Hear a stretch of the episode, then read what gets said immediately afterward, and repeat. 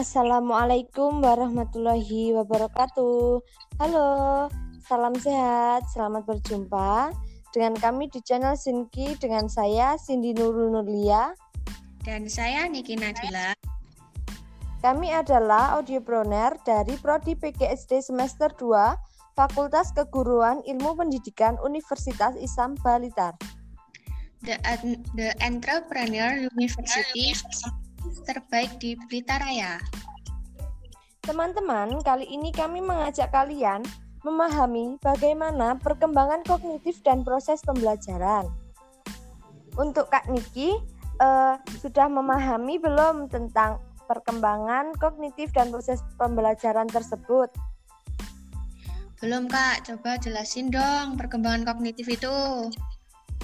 Oke, saya akan menjelaskan tentang perkembangan kognitif dan proses pembelajaran, yaitu manusia yang merupakan proses psikologis di dalamnya melibatkan proses-proses memperoleh, menyusun, dan menggunakan pengetahuan serta kegiatan-kegiatan mental seperti mengingat, berpikir, menimbang, mengamati, menganalisis, mensintesis, mengevaluasi, dan memecahkan persoalan yang berlangsung melalui interaksi dengan lingkungan. Bagaimana Kak Niki? Ya, nah berdasarkan penelitian itu Kak Cindy yang dilakukan secara serius dengan cara mengobservasi cara partisipasi dalam jangka waktu lama. Jean Piaget mendapati bahwa anak pada umur tertentu mengalami kesulitan untuk memahami hal-hal yang seder sebenarnya sederhana. Uh, di Perkembangan kognitif dan proses pembelajaran itu meliputi contoh rasa ingin tahu. Kak Niki yeah. uh, sudah mengetahui rasa ingin tahu itu seperti apa? Belum Kak, jelasin lagi dong. Oke, kami akan menjelaskan lagi tentang pengertian rasa ingin tahu. Rasa ingin tahu adalah suatu emosi yang berkaitan dengan perilaku ingin tahu seperti eksplorasi, investigasi, dan belajar. Terbukti dengan pengamatan pada manusia. Istilah ini juga dapat digunakan untuk menunjukkan perilaku itu sendiri. Bagaimana, Kak? Iya, Kak Cindy. Rasa ingin tahu mengawali terisinya berbagai pengetahuan dalam otak manusia Hal ini menyerahkan aspek kondisi yang kuat dari rasa keingintahuan yang dimiliki manusia itu sendiri. Gimana, Kak? Ya, rasa ingin tahu juga disebabkan oleh emosi rasa ingin tahu itu sendiri. Emosi rasa ingin tahu merupakan dorongan dari hal-hal baru. Contoh dari kita melihat sesuatu yang belum pernah kita lihat kita akan merasa ingin tahu apa sih itu pasti kita akan bertanya. Keingintahuan itu juga memiliki manfaat loh kak Niki. Apa saja kak manfaatnya?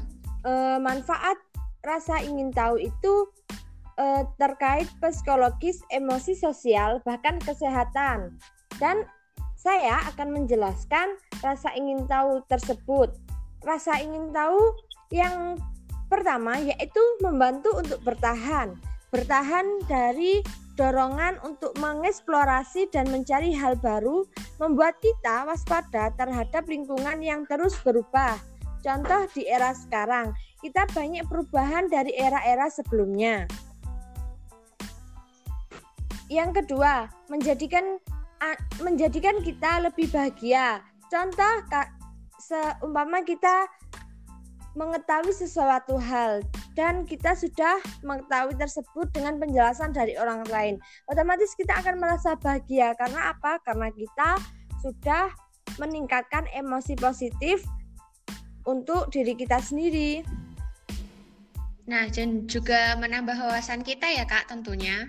Iya, tentunya untuk menambah wawasan kita, meningkatkan pencapaian kita juga untuk rasa ingin tahu tersebut. Dan rasa ingin tahu tersebut banyak eh, banyak terjadi di balita ataupun bayi sekitar umur 2 tahun karena sekitar umur 2 tahun tersebut pasti perkembangan otak anak masih berproses dan menjadi ingin tahu akan hal-hal yang baru.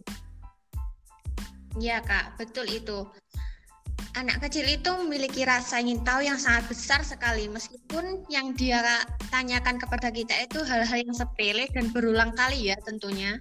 Ya, tentunya anak kecil, khususnya untuk balita, pasti selalu menanyakan hal-hal yang sudah dia tanyakan kepada orang tua terutama karena pendidikan seorang anak yang utama adalah dari orang tua, khususnya dari ibu. Mungkin sampai di sini untuk penjelasan kami. Demikianlah perjumpaan kita. Terima kasih telah mendengarkan kami di channel Sinki. Salam sehat dan berbahagia. Salam entrepreneur Indonesia. Pintar, kreatif, integratif, inovatif, dan energi. Saya Niki Nadila. Saya Cindy Nurunulia. Wassalamualaikum warahmatullahi wabarakatuh.